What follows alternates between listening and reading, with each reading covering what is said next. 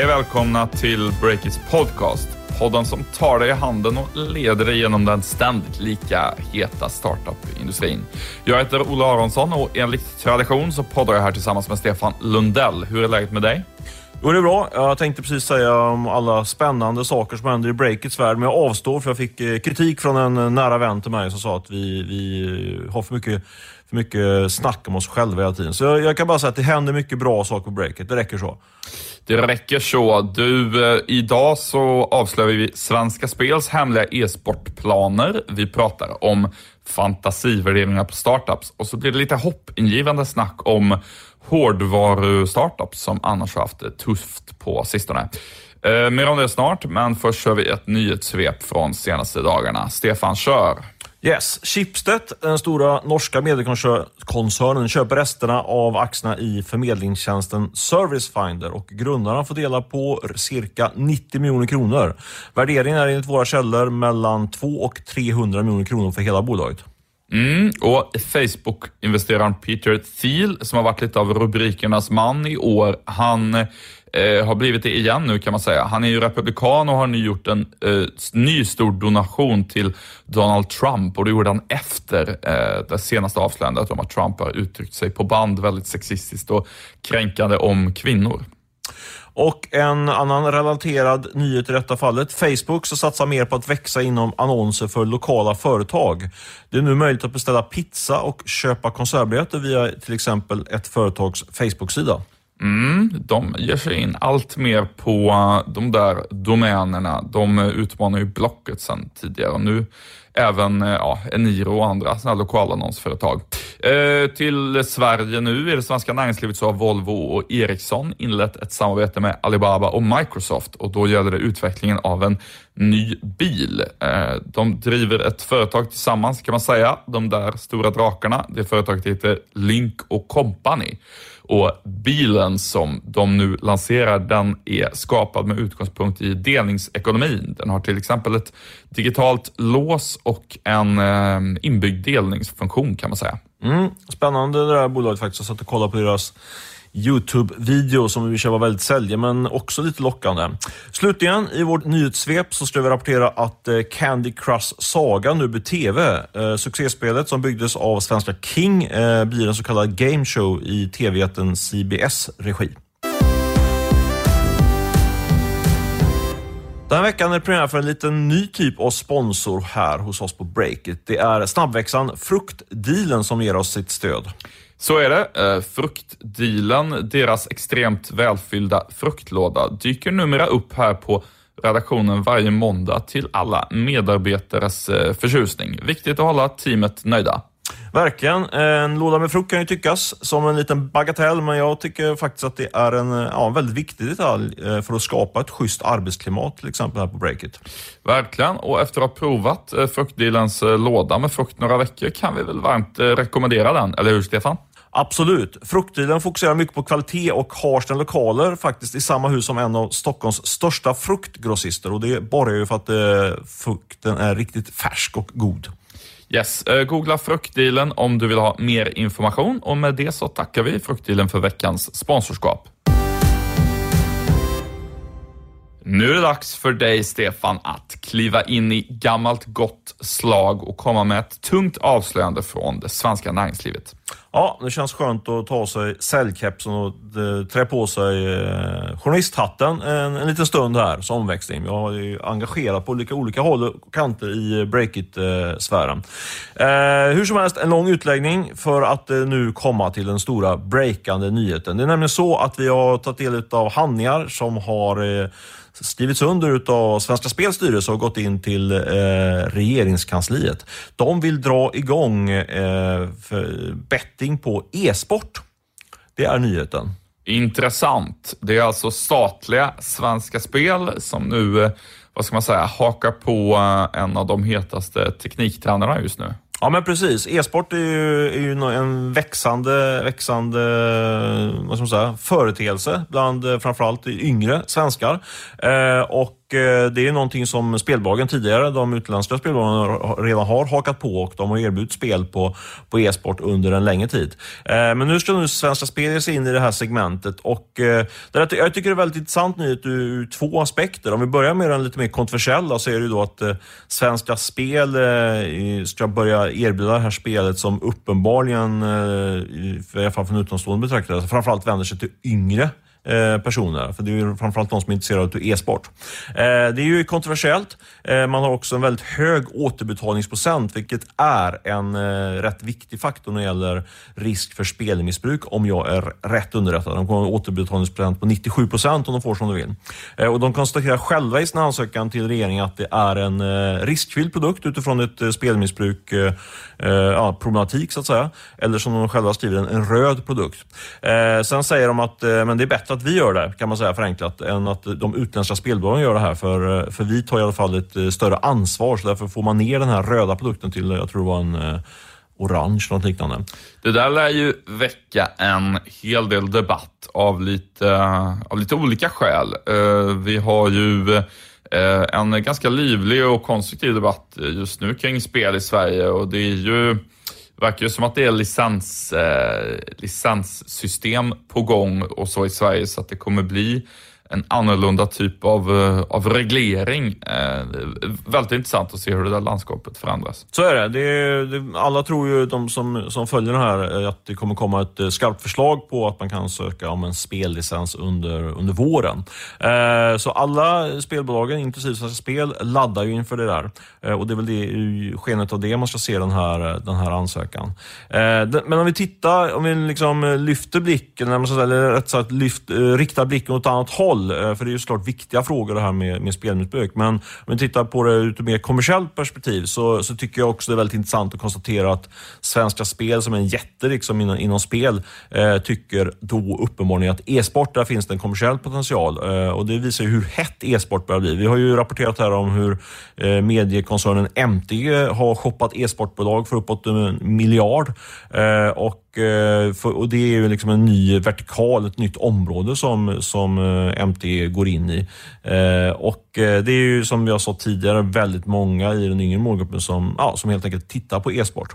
Eh, ett annat, eh, ett annat tecken på det är ju lite mer anekdoter kanske. Det är ju att e-sportstjärnan Hiton, som också heter Emil Kristensson, han heter Emil Kristensson och kallas för Hiton, en Counter-Strike-spelare. Han var ju med i, eller ska ju vara med i Mästarnas Mästare, vilket renderade stora svarta rubriker i kvällstidningarna som framförallt vänder sig mot en betydligt äldre målgrupp. Uh, tycker jag är ganska intressant, den, den lite konflikten däremellan. Att folk orkar bli förbannade över att de spelar datorspel med mig, Mästarnas Mästare, det, det är ju intressant. Ja, absolut. Men det är ja, uppenbarligen en snackis. Och slutligen eh, i den här eh, argumentationen för varför e-sport är så hett ju i den digitala sektorn, det är att inte minst att vi nu kommer uppmärksamma eh, Hiton, eller Emil Kristensen, då, i en lång och spännande helgintervju nu, i, i, nu på lördag faktiskt, kommer vi publicera den. Emil Kristensen berättar bland annat om att han har varit lite inblandad i bokföringsbrott men nu håller på att bygga upp ett företag inom e-sport som värderas till över 100 miljoner kronor. Gå in och läs på det på Breakit på lördag morgon.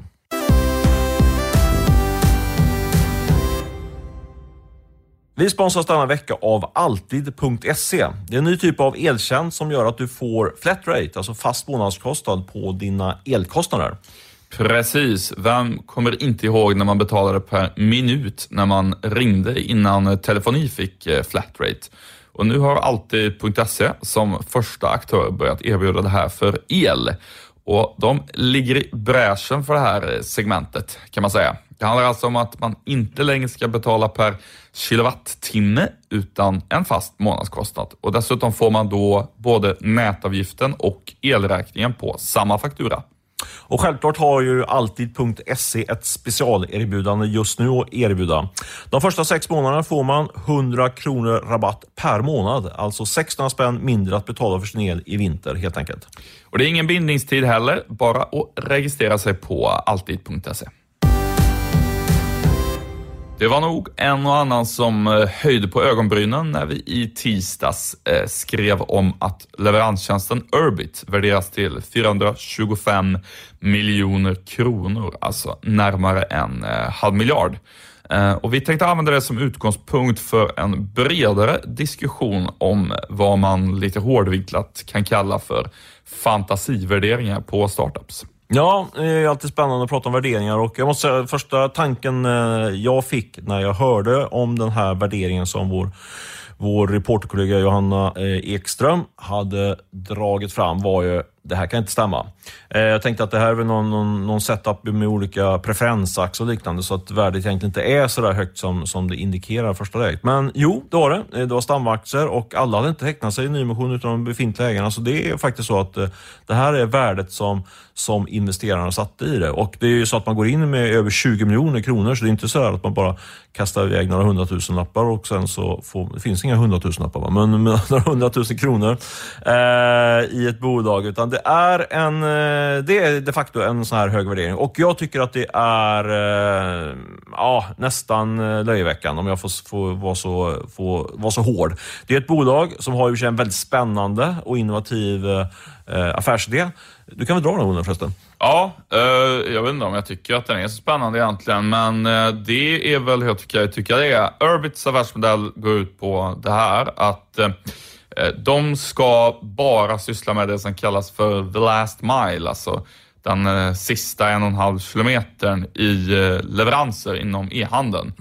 Och det gör det till exempel möjligt för mig att via Urbit-appen beställa en skjorta från någon butik eh, någonstans i Stockholms innerstad, för i Sverige är det ju där som Urbit opererar.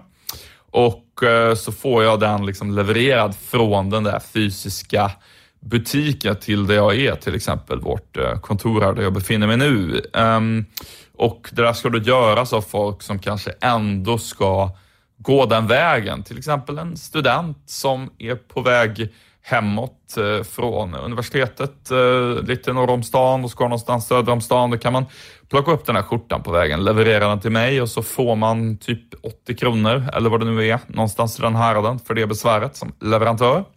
Så är det. Och eh, det väl, eh, på det här är väl att det här är en tvist på, på det som vi pratar, kallar för delningsekonomin. Och, eh, man löser ju ändå ett problem får man ändå säga. Det är ju ganska många som har saker och ting levererat eh, snabbt och inte väntar på posten och gå iväg till någon, postkon eller till någon, någon ICA-butik eller Coop-butik. Eh, så det, det, är väl i någon bemärkelse innovativt får man ändå säga. Men eh, det här är ju ett bolag som eh, vars eh, verksamhet är i sin linda får man säga. Den har varit igång för ett år och eh, har ju i princip ingen intäkt. Ett par hundratusen enligt det sista bokslaget och om vi är väldigt schyssta så kan vi säga att den kommer att omsätta ett par miljoner eh, och då ska ha en värdering på på nästan en halv miljard. Sen kan vi lägga till att, eh, att eh, vi har hört från lite olika håll och kanter att de tidvis har haft eh, likviditetsproblem. De har helt enkelt behövt eh, pengar eh, in i kassan för att kunna betala sina, sina räkningar. Nu får de ju det, de här 20-25 miljonerna. Så det, det, det är inga sådana problem i det läget. Men, men däremot så är, så är ju värderingen utmanande. Jag pratade med två eh, riktigt tunga investerare här på förmiddagen och eh, de, eh, den ena sa att det här är skrattretande och den andra kallade det för skrämmande. Eh, så det är ju eh, tecken i tiden kanske, får man väl säga.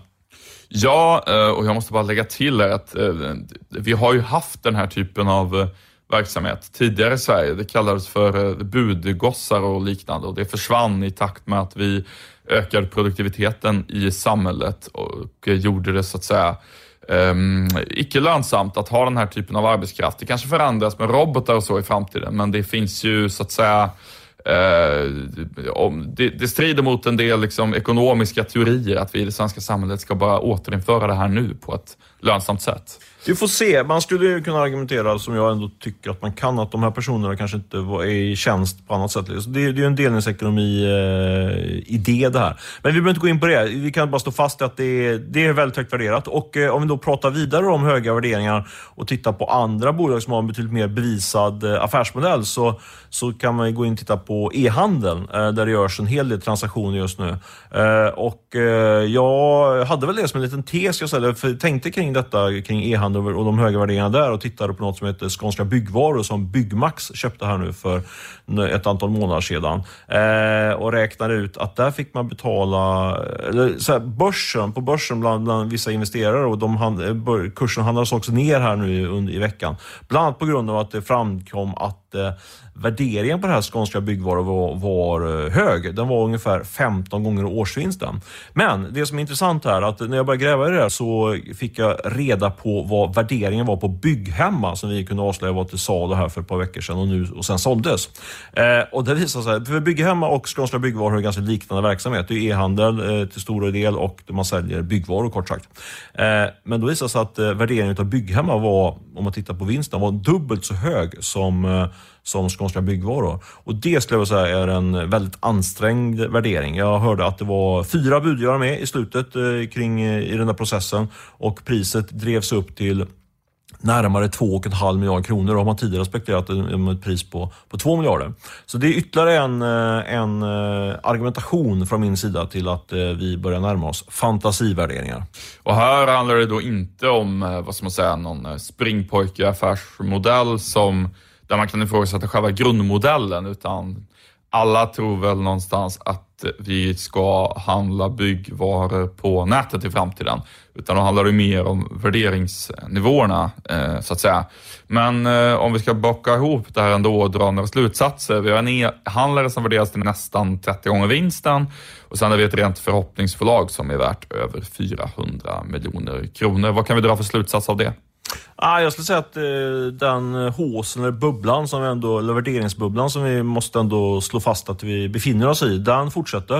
Eh, även om vi har, eh, har fått indikationer på att investerarna är mer sugna på att investera i bolag som som har bevisade affärsmodeller och tjänar pengar än bolag som har eh, mer en förhoppning om att tjäna pengar och växer väldigt fort. Eh, det har vi, har vi pratat om här i podden tidigare. Eh, samtidigt då, precis som du var inne på, det är ju två olika case. Bygghemma har ju en, har ju en affärsmodell som har bevisat sig i allra högsta grad och gör ju rejäla vinster. Urbit är vi mer tveksamma till om de någonsin kommer tjäna några pengar. Men likheten är att värderingen utifrån någon form av realitetsjämförelse är ju väldigt hög. Eh, och en annan sak som jag tycker är intressant är att man kan slå fast att eh, utanför börsen så värderas eh, uppenbarligen fortfarande tillväxt högre än, än på börsen. Om vi nu tittar på caset med Bygghemma kontra eh, skånska, vad heter det nu, skånska, byggvaror. Ja, för där hade man ju uppenbarligen en, en, satte man en lägre vinstmultipel där då. Eh, det tycker jag är en ganska intressant eh, eh jämförelse. Men eh, slår man, om man då tittar avslutningsvis då på, på Urbit så, så måste man nog ändå säga att den värderingen är eh, ett dåligt skämt eh, på något sätt. och ganska oroväckande att man sätter den typen av av höga värderingar på sådana förhoppningsbolag. Eh, vi kan ju trösta oss med att de som har investerat i det här bolaget, det är inga småsparare utan det är eh, personer som definitivt har råd att förlora pengar. Det är några av Sveriges mer kända finansman med Erik Penser i spetsen. Så de kommer inte behöva gråta när de förlorar de här pengarna. Som jag faktiskt, om man nu ska sticka ut hakan, är rätt säker på att de kommer göra. Eh, samtidigt så har vi ju eh, som sagt pratat tidigare om att värderingar på många startups generellt har gått ner. Till exempel Truecaller eh, försökte ju ta in pengar och sen så blev det en trend att värderingarna gick ner lite och så lyckades de inte stänga den stora rundan, vilket vi har rapporterat mycket om tidigare. Hur, eh, hur spelar det in i, in i det här? Det verkar som att värderingarna går ner på en del håll eller, och går upp på andra, eller vad händer egentligen? Ja, men så kan man säga. Alltså, om vi tittar på i caset med, med eh, uh, Bygghemma så, är, så handlar det om eh, ett bolag som har stora vinster och bra tillväxt. Och eh, där finns det uppenbarligen en, en stor aptit fortfarande bland investerarna för att betala rätt höga multiplar. Det som vi har pratat om tidigare, precis som du sa, det är ju bolag som har en hög tillväxt men inte har en bevisad affärsmodell och inte, inte tjänar några pengar. Där är intresset betydligt lägre. Sen kan man då säga Urbit då, då skulle man kunna säga, vadå, där är det, är det ett bolag som, som eh, vare sig bevisad eh, affärsmodell eller jag vet inte om de har så hög tillväxt egentligen. Men vi, om vi nu eh, antar att de har det hyggligt där, så där skulle man nog än en gång, om vi sticker ut hakan lite grann, eh, ta det på, på rika gubbar-kontot. Alltså där ett, eh, det, det är något som inte riktigt eh, stämmer i det där caset. Där går folk in eh, trots att det inte finns någonting och, och hålla sig i handen när man ska sätta värdet på dem. Jag kan inte förklara det och jag tror inte att det är symptomatiskt riktigt för marknaden. Vi sponsras denna vecka av en annan podd, nämligen Digitalisterna. En podd som görs av Telia Företag och som leds av entreprenören Kjell Eriksson och Telias Daniel Stark. I podden diskuterar Daniel och Kjell hur digitaliseringen påverkar näringslivet. I det senaste avsnittet testar de det svenska börsbolaget Clean Motions eldrivna tuk-tuk-fordon. Clean Motions eh, grundare som lyckats få in eh, Skype-grundaren Niklas Sennström som investerar i bolaget gästar också podden. Yes, in och lyssna på det om du är nyfiken på Digitalisterna. Och Digitalisterna, den hittar du där du hittar andra poddar. Eh, tack Digitalisterna och Telia Företag för att ni sponsrar oss. Nu har ju äntligen eh, kvartalsrapportsäsongen dragit igång igen och nu på torsdagsmorgonen kom ju eh, Qliros kvartalsrapport. Olle, du är ju något av en e-handels och fintech-expert. Vad, vad säger du om den rapporten? Ja, det är allt tydligare att e-handeln går kass, kan man säga. För Qliro då, inte generellt eller? Nej, precis. För just Qliro och ibland kan jag faktiskt tycka att det är lite svårt att förstå hur det kan komma sig att eh, nästan alla bolagen i portföljen har eh, till synes oberoende av varandra problem och inte lyckas få till lönsamhet trots att de ändå är hyfsat mogna bolag faktiskt. Eh, det är lite märkligt, men så är det i varje fall. Eh, och därmed, i och med att de går så dåligt, så hamnar allt ljus istället på Qliro Financial Services, eh, den betaltjänst som de drog igång på Qliro när de insåg att eh, varför ska Klarna sköta våra eh, betalningar och tjäna bra på det när vi kan göra det själva? Uh, och uh, det är ju också så i rapporten att allt fokus hamnar på det. Uh, tillväxten är över 100% i Clear Financial Services och det är faktiskt på väg att bli lönsamt. De gjorde nollresultat före skatt i det bolaget, vilket fick mig att haja till. Starkt på ett sånt. Men är det på sista raden som ni har nollresultat eller är det långt upp i resultatet? det är nollresultat på um, ebit. Mm. Alltså rörelseresultat före skatt. Ja, det är bra. Det är bra. Ja, men eller hur. Det, det var precis så jag reagerade också. Uh, och det lyfter förstås Qliros nya VD Marcus Lindqvist gärna fram, för så mycket annat att hurra för är det ju inte i den här rapporten. Eh, men eh, det är flera saker som slår när man läser det där. Det ena är hur många Klarna-kloner kan det startas egentligen? Tycker att vi har skrivit typ tio artiklar nu på Breakit om att folk drar igång det och... Um, är det Klarna-dödare som eh, Sebastian Samukovsky brukar vara kul, tycker det är lite roligt när det står, för han undrar hur många som ska döda honom innan det... Ja, precis. Det har inte hänt än. Nej. Uh, men vad som däremot har hänt är att många av de där uh, verkar gå ganska bra, inklusive Clear Financial Services. Uh, jag pratade med en tung investerare här veckan som sa att han känner ett helt gäng, typ tio stycken ex-Klarna-anställda som har hoppat av för att starta konkurrenter. Och eh, det verkar gå att få snurr på det där trots, ja, jag vet inte vad det är. Marknaden är väl helt enkelt inte riktigt mättad än eh, med alla nya saker som startas på internet som behöver betalningar. Eh, men mer om Qliro där. Eh, flera intressanta saker. För det första så börjar den nya VD med att peka lite finger mot sin företrädare, tycker jag. Mm. Resultatet belastades av 20 miljoner kronor på grund av att man har gått över till en citat mer återhållen redovisningsprincip. Alltså underförstått, Paul Fishbein körde med lite för aggressiv redovisning och nu vill nya vdn städa ut det. Uh, lite uh, intressant, uh, liksom rätt tydlig diss till sin företrädare typ. sen så är det intressant att vdn är väldigt öppen med att ja, alla alternativ finns på bordet för hela den så kallade strategiska översynen. Vilket innebär... Allt är till salu för man sa ja, intervju med oss. Exakt. Eh, ännu rakare mer rubrikmässigt. Och det är verkligen så det är och det förtydligar nu i rapporten igen att eh, det kan bli så att de säljer allt och jag... Nej men det sa han inte, jag måste rätta mig själv. Det var när jag gjorde intervju med Eniros nya VD. Han sa att allt var till. Så det var alltså inte... Nej, jag, jag förstår, men om, om vi då tar det han säger i kvartalsrapporten. Ja. Eh, efter att ha jobbat på bolaget i två månader. Det är att de ska fortsätta med den här översynen året ut och att alla alternativ är på bordet. Det innebär ju faktiskt att alla de här e-handelsbolagen skulle kunna säljas. Och det, det vet jag i alla fall att jag har rapporterat om eh, i samband med att de sålde 30.se var det va? Ja. Eh, att, eh, det är ju nämligen så att eh, de har fått in en ny storägare i form av Peter Lindell, finansmannen Peter Lindell. Och vad jag förstår utifrån mina källor när jag har pratat, med, pratat runt, så är deras fokus är ju på är ju att stycka Qliro och bara behålla Qliro Financial Services. Och det, det är väl någonting som kanske det där då pekar åt den här strategiska översynen. Det kan ju ta en stund och det, det finns ju andra viljor. har ju familjen Stenbeck som via Kinnevik är storägare i Qliro. De kanske har en annan, annan åsikt. Men eh, ja, det är väl ändå stalltips, eller vad tror du att de, att de styckar? Ja, eh, det som talar emot det stalltipset är ju att det har ju snackats om det i flera år om att Qliro ska styckas. Delar ska säljas, men... Så är det, fast då har de inte haft in en sån, eh, sån offensiv investerare som Peter Lindell som kan mm. driva en sån agenda. Precis, ja, men det är ju en grej som verkligen talar för. Just att tidigare har det känts lite som ett litet innehav som Kinnevik inte bryr sig så mycket om och nu får man in en aktivistinvesterare från sidan som kan... Kanske inte ska kolla, på, du kanske inte ska kolla en aktivistinvesterare va? Nej, men du, det var en hård vinkling, men ja. du förstår poängen. Mm. Det, blir det, det påminner ju lite om hur aktivistinvesterare brukar agera. Sant. Um, I vart fall, uh, det skulle nog faktiskt öka värdet på bolaget, känns det som. Om mm. man sålde av resten och gick all in på Financial uh, Services. Och generera ett antal uh, nyheter på breakit.se. Där, Om alla försäljningar. Ja, så det hoppas vi lite, kan man säga så, det låter lite cyniskt. Men vi får se var det landar någonstans. Du, en lite udda nyhet som kommer i veckan är att ett uh, svenskt hårvarubolag faktiskt går med vinst. Det handlar om Flick som gör en så kallad smart knapp, eller hur? Yes, och jag tycker att vi ska uppmärksamma det. Uh, apropå uh, Narrative och uh, deras konkurs.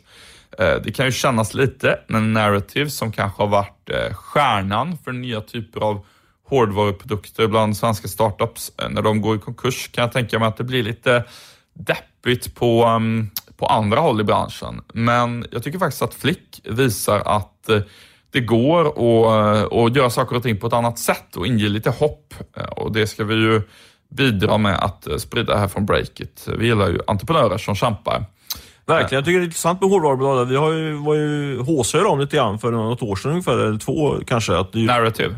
Nej, generellt hårdvarubolag. Att det, det är liksom hårdvarubolag som gäller nu. För det är mycket, mycket billigare att utveckla hårdvara jämfört med vad det var för fem sju år sedan. Just det. Eh, och eh, att det var ett hett investeringssegment. Men sen så blev det lite bakslag får man säga. Det sa ju Narratives eh, VD Martin Källström eh, till oss när vi, i samband med att han eh, aviserade att de helt enkelt skulle sätta bolaget i konkurs. Så att, eh, det var som att marknaden dog där för en, låt säga 6-12 månader sedan just bland investerare. Mm. Ja men verkligen. Och det caset med att det skulle bli en hårdvaruboom handlar ju mycket om att det finns otroligt billiga komponenter från Kina som ja, nästan vem som helst kan sätta ihop till en produkt som funkar. Men då måste man ju hitta liksom rätt marknad och så för det. Och det tycker jag Flick har gjort på ett väldigt smart sätt. Eh, jag tror att fler hårdvarubolag kan lära sig av dem. Det är så att Flick eh, de omsatte ju eh, 14 miljoner kronor under senaste räkenskapsåret och då gjorde de en rörelseförlust på citat bara, eh, slutcitat, en miljon kronor. Eh, man ser ju att de är på en tydlig väg mot lönsamhet där. Uh, och En av orsakerna till att Flick har lyckats bra, det är att de har sålt till andra företag. Det är ju lätt uh, att uh, som hårdvarubolag kanske dra igång en Kickstarter-kampanj och lite grann fångas av tjusningen och hypen när man kör en kampanj mot konsumenter. Man får mycket positiv feedback och man kan bli lite viral och så. Och det känns ju kul och häftigt. Men eh, vad Flick har gjort är ju att um, ja, de försöker väl liksom sprida ett viralt budskap också, men eh, de har ju sålt eh, knappar i lite större skala till till exempel Volvo och Domino's Pizza. Uh, och det tycker jag är ett rätt uh, intressant cement faktiskt. Då blir man ju som en sån här så kallad profilprodukt ni vet som typ eh, svenska New Wave gör, att man säljer pennor och kaffekoppar och sånt med företags loggor på. Fast det blir lite mer premiumprodukt får man säga. De tar väl typ 400-500 spänn för den här knappen, så det, jämfört med en penna så är det lite dyrare. Exakt, det är lite dyrare, men det är också mer innovativt. Jag kan tänka mig att många lite större företag som, eh, ja, de har väl sett att den här profilmarknaden har sett likadan ut i 30 år typ och tycker att det känns jättekul med en ny fräsch interaktiv produkt med loggan på som kommer. Absolut, jag tror också att det kan generera affär. Vi snackade om det lite grann med eh, Jonas Lange som är vår, eller jag pratade lite med honom, jag tror inte du var i redaktionsrummet just då, men att eh, eh, nej, men tänk så här, att man, att man då eh, ger det här till sina stamkunder, en, eh, en restaurangkedja eller något liknande. Eh, och Det innebär ju att man bara kan trycka på knappen och sen så får man leverans av den här den maten man vill ha. Underbart det låter spontant. Ja, men, en men, bakfylleknapp för pizza, man bara trycker på väggen. Exakt, det var lite grann så vi brandade där när vi skrev om Domino's. Men, ja, men så här, eh, dels så, så är det ju något som man får som stamkund. Man får, det känns innovativt, fräckt, häftigt, täckigt. Eh, men då också genererar ju då konkreta affärer för, för bolaget på sikt. Så det, ja, det kan finnas någonting där. Det, min invändning är att det måste verkligen vara så att det är bara att trycka på knapp. Så jag som en teknisk idiot kan inte sitta och, och logga in på något och sådär. För då blir, det liksom, då blir det för stort motstånd. Men är det bara så att man får en knapp från sin favoritrestaurang, då, ja, varför inte? Ja, det, finns, det är bara ett exempel, det finns ju massa andra bolag också som ska hitta på det. Men jag tror att du är något på spåren där faktiskt. Ja, och eh, kontantan är fler hårdvarubolag borde ta efter det och se efter vilka företagskunder de skulle kunna ha istället för konsumenter. Nu till ett meddelande från vår kära sponsor Miss eh, Hosting. För 12 kronor så kan du till exempel köpa en Snickers eller något annat onyttigt. Eller så kan du registrera en domän som blir början till ditt nya företag för 12 kronor. Det kan du och då föreslår vi att du vänder dig till Miss Hosting som under oktober har extra billiga domäner upp till 88% rabatt till exempel på .se-domäner. Gå in på misshosting.se om du är intresserad av det och kom ihåg att du då indirekt stöttar Breakit eftersom Misshosting i sin tur stöttar oss som sponsor. Ja, innan vi avslutar skulle jag vilja ge ett litet boktips. Jag älskar att ge boktips. Det var ett tag sedan eh, som jag gav sådana, men jag har faktiskt kommit igång lite grann med bokläsat nu på de sista månaderna. Och nu har jag kommit över en, en helt färsk bok som faktiskt inte ens kommit ut i bokhandlarna eller på nätet. Eh, det är en bok eh, som den tidigare, får man säga, eller nej, inte tidigare, nuvarande eh, ekonomijournalisten Jakob Bursell, han jobbade på Svenskarna förut och är nu frilans. Han skriver en bok som heter Risk och det är en bok som är ett porträtt eller egentligen en reportagebok om eh, Per Sandå. En, en, eh, delvis en dålig som man säger. Jag vet att du känner till honom Olle, men jag kanske ska introducera honom lite grann. Det är, alltså, han drev en, eh, en hedgefond som heter Pan Capital som, var, som gick väldigt mycket under radarn även för ekonomijournalister. Men visade sig tjäna hur mycket pengar som helst på automatiserad handel, kan man säga så? Ja, det kan man säga. Det kallas populärt för robothandel, men de gjorde inte riktigt det som robothandlare gör, kan man säga förenklat, utan de hade kommit på ett eget innovativt sätt att handla och det gjorde att de kunde omsätta miljarder. Mm, ja, inte bara omsätta, de tjänade miljarder. Det, det är en, ett utav, jag tror, skopen i Jakob Bursells bok. Här. Han säger, skriver eh, år, år efter år hur mycket pengar han tjänar. Först är det noll kronor, sen är det några hundra miljoner och sen i slutet så är det över en miljard på ett år i ren vinst. Och då är det ett team på, låt säga tio man, framförallt män, män i, det, i denna världen. Men, jag måste bara flika ja. in där, en sak som är otroligt intressant med det där. När man tänker eh, finans, trading, då tänker man ju direkt på att det här är ju människor som hatar att betala skatt. Men faktum är att um, Uh, eller det finns i varje fall en sån nidbild om liksom Wall Street-människor och så. Faktum är att eh, uh, Pan Capital, vilket har uppmärksammats i Dagens Industri, har betalat otroligt mycket skatt på de här vinsterna eh, utan knussel, eh, så att säga. Någonting som jag hajade till för och måste säga att jag, det var ju hedervärt av dem. Absolut, hatten av till dem för det. men varför rekommenderar du den här boken då i en tech podd. Ja, vi är också en ekonomipodd, men eh, jo, det är helt enkelt för att eh, det är väl, dels är det väldigt intressant. Det är bra skrivet, liksom, en spännande reportagebok. Eh, men sen är det också ett väldigt tydligt exempel på hur ny teknik kan förvandla en hel bransch, i det här fallet då finans eller tradingbranschen. Eh, Persando teamar är ju själv en, en innovatör får man säga och teamar upp med några av de vassaste programmerarna och ja, helt enkelt disruptar hela den här industrin. Det var ju många som stod efter honom. Eh, nu kan man inom parentes säga att nu, nu ägnar han sig ut åt eh, hotellverksamhet i eh, USA, men även där eh, försöker han sig på och eh, omvandla branschen med, med teknik. Eh, ni får läsa boken för att höra det, men det är en spännande bok. Den här boken kommer ut i början av november och eh, ja, jag ger en, eh, en köprekommendation på den här boken. Risk av Jakob Bursell. Eh, om man ska säga, visst har Persando aldrig gjort en intervju tidigare? Nej, det är nog inte riktigt sant. Han har gjort, jag sa det faktiskt till en person, Nej, han har till och med stått på Dagens Industris baksida i uppkavlade armar, så det är nog lite mytbild. Men absolut, de var ju väldigt... Eh, när det väl började gå, gå bra och, och lyfta, då var det verkligen så att de inte snackade. Men jag tror inte riktigt, riktigt sant. Det är Men bara här- jag som är sån usel journalist som aldrig lyckades få en intervju. Nej men, nej, men du har ju rätt i så. Alltså, det var, de är sjukt svåra att få tag på. Men eh, det här, och det här är första gången som Jakob Bursell verkligen får dem att eh, berätta hela storyn. Så eh, ja, ingen sponsor av den här podden än. Eh, risk av Jakob Bursell, men jag gör ändå en, en, en, som sagt en stark köprekommendation.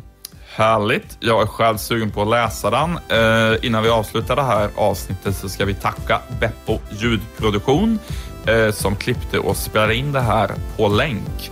Eh, annars tycker jag att vi säger så, så hörs vi nästa vecka. Ha det bra, hej hej! Hej!